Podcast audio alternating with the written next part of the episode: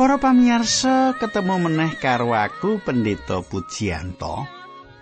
Panjenengan tentune wis ngerti nek aku nganggo basa ngoko iki mesti program margi utami. program margi utami program kang dadi kasenengan panjenengan.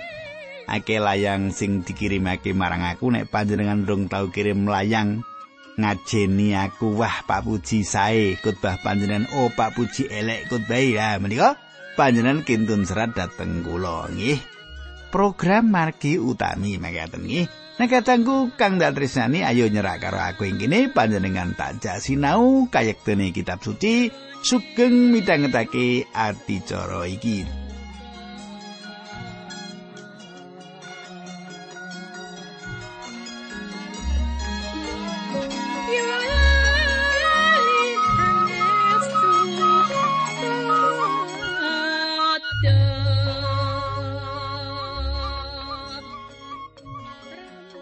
Pamirsa tak suwun panjenengan isi kelingan apa sing ndaturake ana ing patemon kita kepungkur. Ing adicara kepungkur kita wis sinau nalika Gusti Yesus kaaturan rawuh ing pesta lan diawat-awati kanggo dikala ing dina sabat. Ya Gusti Yesus dikala ing dina sabat. Coba engko Gusti Yesus ki nek dina sabat iki arep nindakake apa? Maraske wong loro ora? Nggih. Nah, sabanjuri apa sing ditindakake dening Gusti, kita bakal nerusake pasinaon kita nanging sadurunge kuwi, ayo kita ndedonga bebarengan. Duh Kanjeng Rama ingkang adhedhampar wonten kraton ing kasuwargan kawula nyuwun berkah paduka wonten ing pepanggihan menika. Kawula nyuwun supados sedherek kawula sampun nyawisaken manah. Nyawisaken pikiranipun, nyawisaken wektalipun kangge midhangetaken adicara menika. Kawula nyuwun Gusti berkahi, Gusti tuntuni supados abdi paduka pikantuk berkah lan sedherek kawula ki pikantuk berkah. Dinambaran asmanipun Gusti Yesus Kristus kawula tunggu haleluya amin.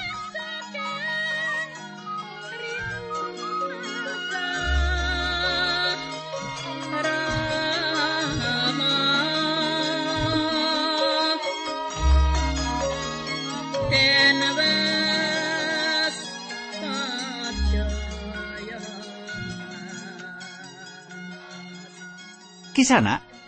Wah, saiki nganggo kisana barang aku. nah, saiki panjenengan tak derekake nliti ayat kaping pitu bab 14. Bab 13 terawis rampung toh.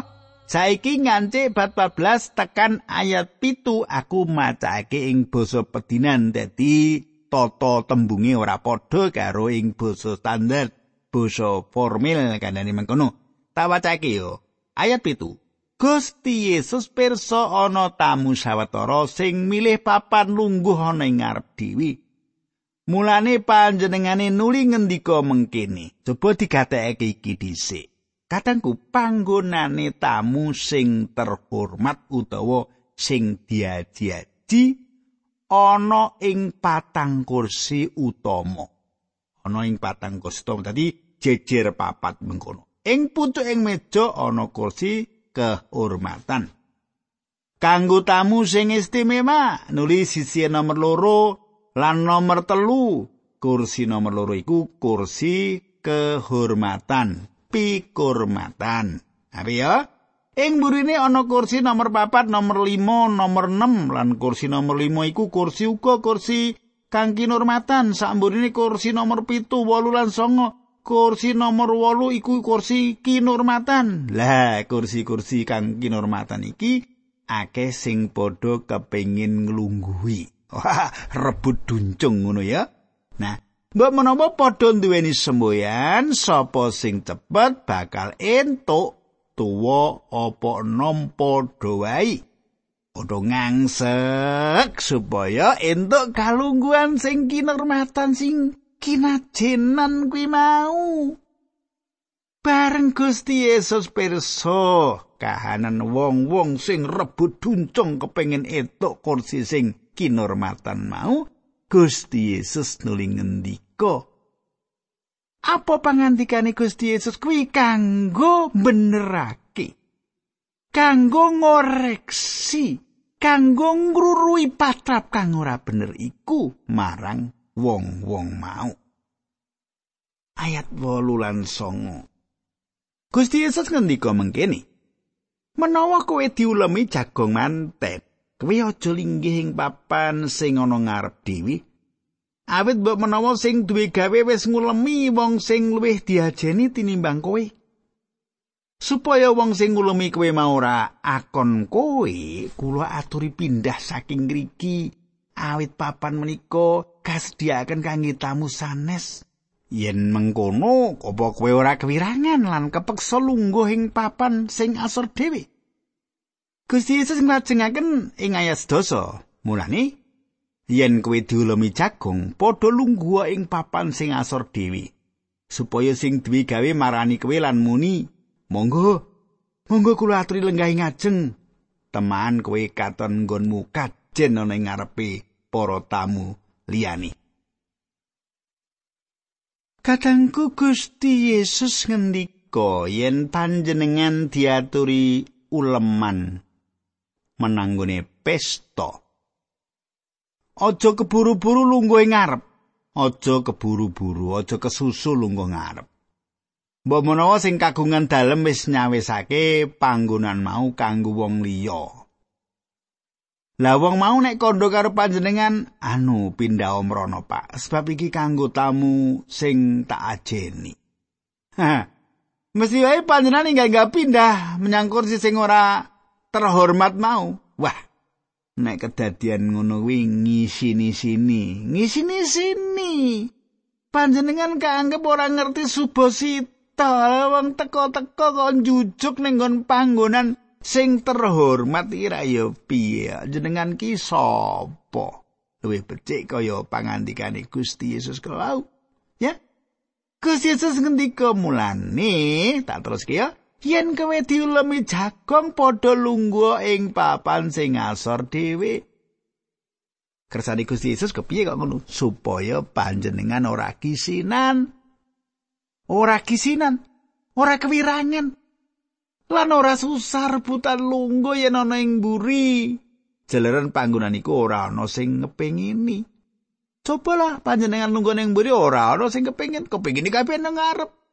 Tak terus ya pangandikan moyo supaya sing duwe gawe marani kowe lan muni. Monggo kula aturi lenggah ngajeng.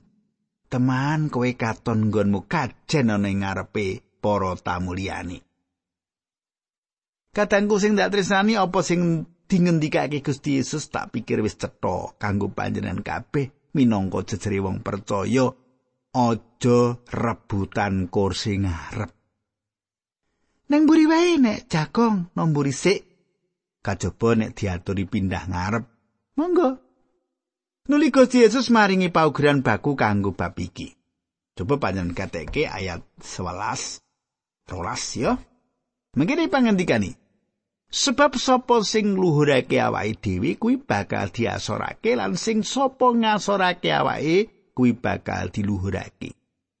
Gusti Yesus nuli ngendika marang wong sing ngulemi panjenengane, yen kowe ngulemi mangan awan utawa bengi aja mengulemi kanca-kancamu utawa sedulur-sedulurmu utawa sanak kadangmu utawa tangga teparemu sing sugih awit wong-wong mau bakal males genten ngulemi kowe lan srana mengkono kowe wis nampa piwalese penggawemu.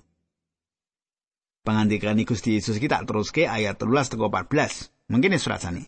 Nanging yen kowe nganakake pesta, ngulemono wong sing mlarat, wong cacat lan wong lumpuh apa dene wong wuta, lan kowe bakal nampa berkah.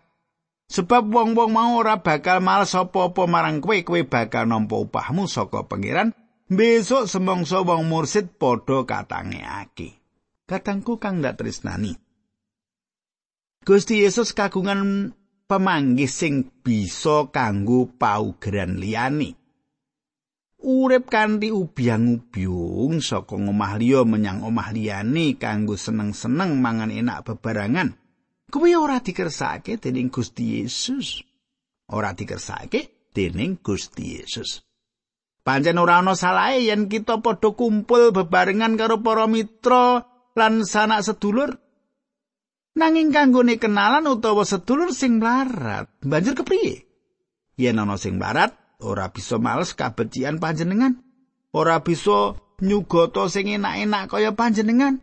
Mula becike yen panjenengan menehi apa-apa marang wong liya, ora susah ngenteni utawa ngarep-arep diwales kanthi piweweh uga.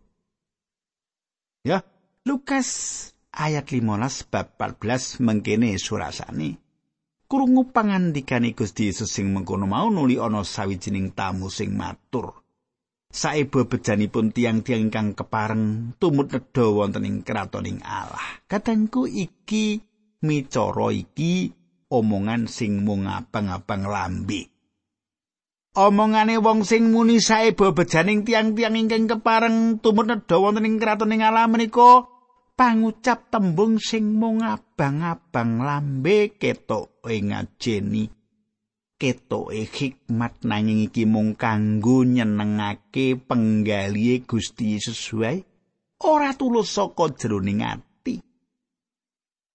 kaya yen kita nyretuk puji Tuhan apa ya pancen kaya ngono ati kita nalika ngucapake puji Tuhan yen pangucap mau ora tulus rasane cemplang. Jalaran pangucape lambe lan ati ora padha. Malah bisa ndadekake bosen. Saiki ayat 16 lan 17 Gusti Yesus banjur paring pasemon mengkini. Ana wong anakake pesta gedhe sarta ngulemi wong akeh.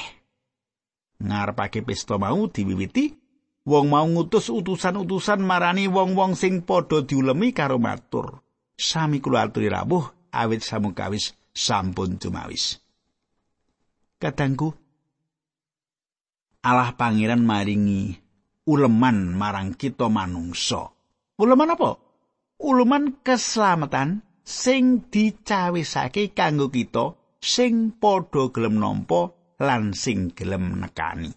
Nekani uleman mau. Kita ora bisa ngono wae melu teko ing pesta tanpa uleman iki. Uleman iki kita tampa kanthi sih rahmat saka ing Allah.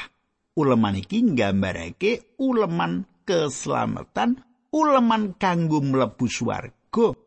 Yen ana sing kepengin ora mlebu swarga, ora susah nampa uleman mau. Ya, ora sah ditampa uleman mau. Undangan rasa ditampa. Saiki Lukas 14 ayat 18. Mengkene surat sali. Nanging wong kabeh sing padha dilumi mau siji-siji padha nyuwun dipamitake wae. Wong sing sepisan muni karo utusan mau, aku lagi wae tuku palemahan. Saiki aku arep lunga ndeleng palemahan mau suwono pamit wae awit aku ora bisa teko. Katanggu, iki dudu alasan nanging iki mung kanggo dalil kanggo dalil kanggo mbebasake saka rasa luput wae coba rak ora ana sing ngajokake alasan sing dasare mung nolak teko ngono wae to Wong-wong mau gawe-gawe alasan kanggo nutupi sawijining kaluputan. Wong sing sepisanan mau duweni alasan sing ora mapan, mosok arep tuku lemah ora dideleng duwe dhisik. Ya ta? Saiki Lukas 14 ayat 19. Wong liyane muni Aku lagi tuku sapi limang rakit, saiki aku arep mrono njajal sapi-sapi mau kanggo nyambut gawe. Dadi aku suwono pamit wae awit aku ora bisa teko. Kadangku wong sing sepisanan luwih abot palemahane ketimbang nekani pesta sing diulemike marang dhewe. Lah wong sing sijine maneh luwih ngeboti dagangane ketimbang uleman sing bakal nekake berkah sing gedhe. Sajake wong loro-lorone padha bodhone. Apa padha dene seneng apus-apus? Alasan sing kepriye sing ora mungguh? Mosok bengi-bengi arep mluku pategalane. Pancen alasan akeh pegawean iku asring dinggo alasan kanggo apa wae. Saking akeh sanggeman, pegaweane wong mau nganti ora kober utawa ora ana wektu kanggo suwan marang Allah senajan wong-wong iki padha mati nanging kabeh urusan dagang bakal tetep mlaku miturut aturane wong bisnis ora nang gereja Alasan. Nek ora alasan kan ora kepenak karo Pak Benito. Waduh kula gaweane kathah. Waduh kula mboten saged. Waduh anak kula waduh kanggo alasan nutupi kaluputani. Saiki Lukas 14 ayat 30. Uleman liyane meneh muni aku lagi wae dadi manten mulane aku ora bisa teko. Kadangku ing Israel ana aturan kanggo wong sing lagi wae dadi manten, yaiku ora duweni kewajiban maju perang.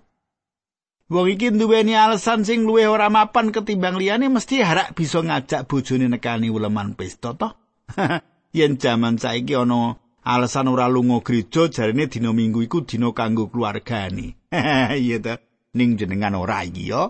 Iki wong kono-kono ya. Katengku ana perkara-perkara sing bisa ngedohake kita saka ngersane Gusti, yaiku donya brana. Bisnis dagang sing bisa nekake untung gedhe lan tresno marang donya iki. Contone pesta-pesta, mabuk-mabukan, ngabotoan lan liya-liyane. Lan ing dinane iki kahanan sing kaya ngono iki terus isih dadi kasenengane umum.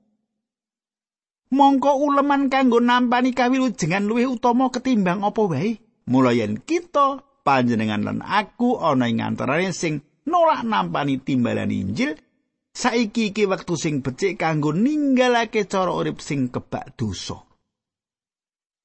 Tak teruske Lukas 14 ayat selikur nganti telulikur. Mangkene surat sani. wong sing diutus mau nuli bali sarta matur marang bendarane bab kuwi mau kabeh ngrungu aturane utusane bendarane mau duka banget banjur ngendika saiki enggal-enggal padha lunga menyang dalan-dalan. Lan lurung-lurung ing kutha sarta jan mrene kabeh wong miskin wong cacat wong buta lan wong lumpuh. Ora cuwit abdi mau nuli bali sarta matur marang bendarane dawuh panjenengan sampun kala lampahi ewa semanten papanipun tasih tirakatah. Ayat 23 bendarane mau nuli dawuh lunga menyang dalan-dalan njaba kutha lan angger wong ulemono teka ing panghargan supaya omahku kebak. Ayat 24 ngandelo wong sing padha ndak ulemi dhisik mau siji wae ora ana sing bakal melu ngrasake suguhanku.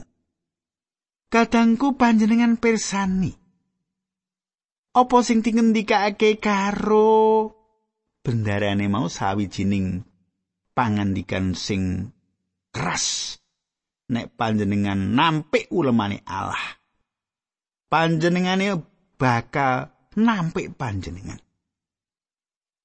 Allah bakal nyingkirake panjenengan awit panjenengan nampik uleman sing diparingake Allah marang panjenengan iku.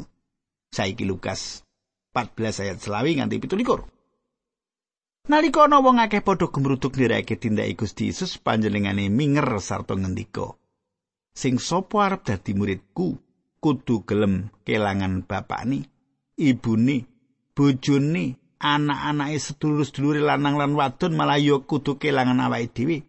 Sing sapa ora manggo salipe dhewe lan ngetotake aku ora bisa dadi muridku Kadangku ayat-ayat iki kanthi prasaja meratelake supaya kita ngutamakake apa kang dadi kersane Allah dhisik. Sing sapa kepengin nderek Gusti Yesus kudu sumadyo ninggalake apa wae. Nganti kaya-kaya iku mau kabeh wong tuwa bojo anak sedulur kudu ditegakake yen ditimbang karo setya marang Allah. Saya kita terus ke Lukas bab 14 ayat 21 nganti 30 mengkene surasane. Yen ing antaramu ana wong ngrancang arep ngedekake menara, wong kuwi luwih dhisik kudu ngitung pira bakaragate menara mau supaya ngerti duwite cukup apa ora kanggo ngragati sarampungi. Yen ora mengkono wong mau sawise gawe pondasi jebul ora bisa ngrampungake menarani, teman saben wong sing weruh bakal padha ngeguyu wong mau. Sarta muni wong kuwi bisa wiwit bangun nanging ora bisa ngrampungake. Kadangku kang dak tresnani. Nderek Gusti Yesus iku ana pitukoni. Mula sadurunge mutusake kanggo nderek Gusti, etungen dhisik pitukon sing kudu disediake. Dadi ora gampang nderek Gusti Yesus kuwi. Saiki ayat 31, 32. Yen ana ratu sing duwe prajurit reksa arep perang merga diluruk ratu liyane sing duwe prajurit rong reksa apa ratu sing kasebut dhisik mau ora arep mikir-mikir Apa wadya balane cukup kanggo nglawan mungsuhe? Yen cetha ora kuat ratu mau kudu ngutus utusan metokake ratu sing luruk nyuwun pirsa syarat-syarate bedamen mumpung musuh mau durung tekan kono. Gusti Yesus nuli mungkasi pangandikane mengkene semono uga wong bisa dadi muridku mung yen gelem kelangan sabarang darbe. Kadangku kang dak tresnani, manungsa bisa kawilujengake kanthi percaya marang Yesus Kristus Sang Juru Wilujeng. Yen wis tekan tataran wani ngorbanake barang darbek sawutuwe kagem kaluhurane, iki tandha wis siaga kanggo dadi murid Sang Kristus sing ateges siap ngladosi Gusti. Eman, ora saben wong percaya iku manjing dadi murid Sang Kristus. Eman. Saiki Lukas 14 ayat 34 nganti 35. Uyah kuwi pancen prayoga. Nanging menawa ilang rasani kepriye bisane mulihake asine? Uyah mau wis ora ana gunane. Senajan tumrap lemah utawa kanggo rabuk pisan, apike mung dibuang. Sing sapa duwe kuping padha ngrungokno. Kadangku ora ana barang sing asor regani, kejaba uyah sing wis ora ana asine. Muga-muga kita ora dadi wong Kristen sing ora ana gunane. Katengku kang detrisani saiki kita ngancik Lukas pasal 15. Wah, pasal 14 wis rampung. Saiki pasal 15 ayat 1 loro mangkene surasane. Ing sawijining dina akeh pegawe pajak lan wong sing dianggep ala dening masyarakat padha teka ngrungokake piulangi Gusti Yesus wong Farisi lan para ahli Taurat banjur padha pating gedumel pangucape Yesus kok gelem nampani wong ala malah gelem mangan bareng karo wong kuwi? Kadangku waspadakno kadangku. Gusti Yesus nampa para wong dosa iki ateges panjenengane uga kersa nampa kita pinuji asmani Allah saiki Lukas 15 ayat telu nganti ayat pitu Mulane Gusti Yesus nuli maringi pasemon mengkene saupama ing antaramu ana wong sing duwe wedhus gibas 100 sing siji ilang. Apa sing ditindakake dening wong mau? Wong mau mesti bakal ninggal wedhuse sing 99 ana ing pangunan sarta lunga goleki wedhus siji sing ilang mau nganti ketemu. Bareng ketemu wong mau bungah banget wedhuse nuli dipanggul digawa mulih.